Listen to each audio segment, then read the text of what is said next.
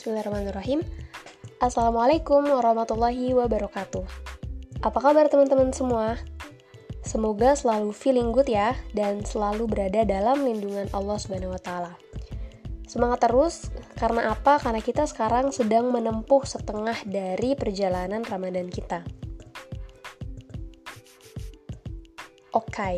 berbeda dengan podcast aku sebelumnya yang membahas tentang Islamic Productivity, yang bahasannya ya seputar upgrade diri sih.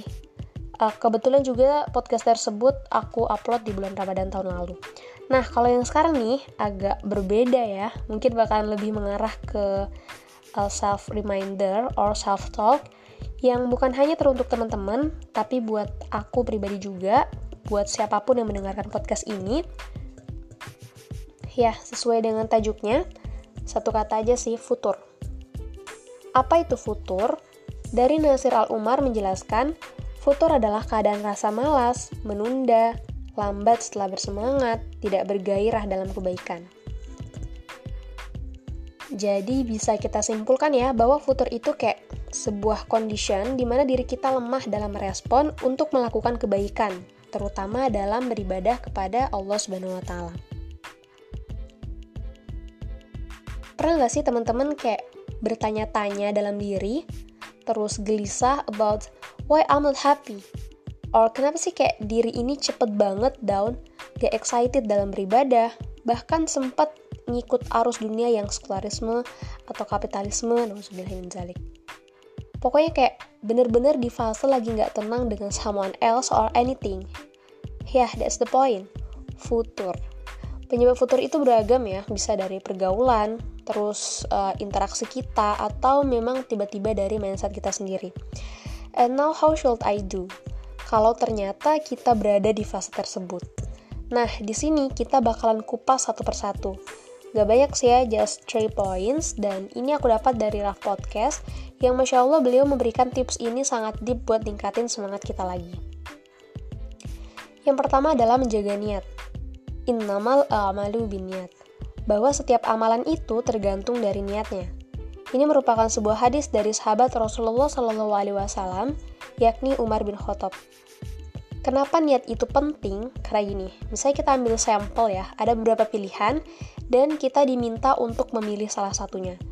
Tentu saat niat kita baik, pure karena Allah Subhanahu wa taala, kita bakal dapat something yang positif dan ternilai gitu di mata Allah Subhanahu wa taala. Namun kebalikannya, di saat niat kita buruk, maka kita juga akan mendapatkan hal yang sama dengan niat kita tadi. Yang kedua adalah mencari majelis ilmu atau halakoh rutin. Sebenarnya hal yang paling urgent dan benar-benar kuat banget magnet positifnya itu adalah berada dalam majelis corner.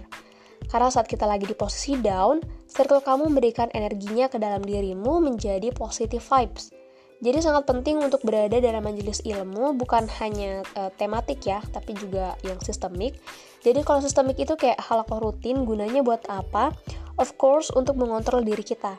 Sebenarnya kita nih masih di hijrah nggak sih? Atau jangan-jangan dah melenceng?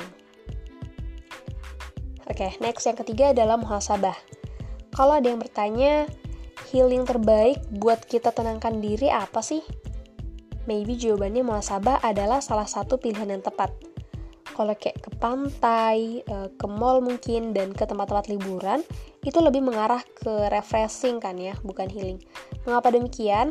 Karena saat kamu pulang ke rumah, saat kamu pulang kembali ke rumah, pikiran kacau itu sure akan datang kembali. Tapi saat kita muhasabah sebelum tidur, kemudian kembali mengingat hal apa aja sih yang perlu dibenahi dalam diri ini, ibadah apa yang sudah aku lakukan, ibadah apa yang belum dilakukan, kata-kata yang dituturkan, mungkin uh, pernah melukai hati orang lain, sikap kita, feedback kita, atau mungkin kontribusi kita kepada umat. Nah, semuanya perlu kita muhasabah agar nantinya kita bisa menjadi lebih baik, bukan menjadi lebih baik dari orang lain, tapi lebih baik dari hari kemarin.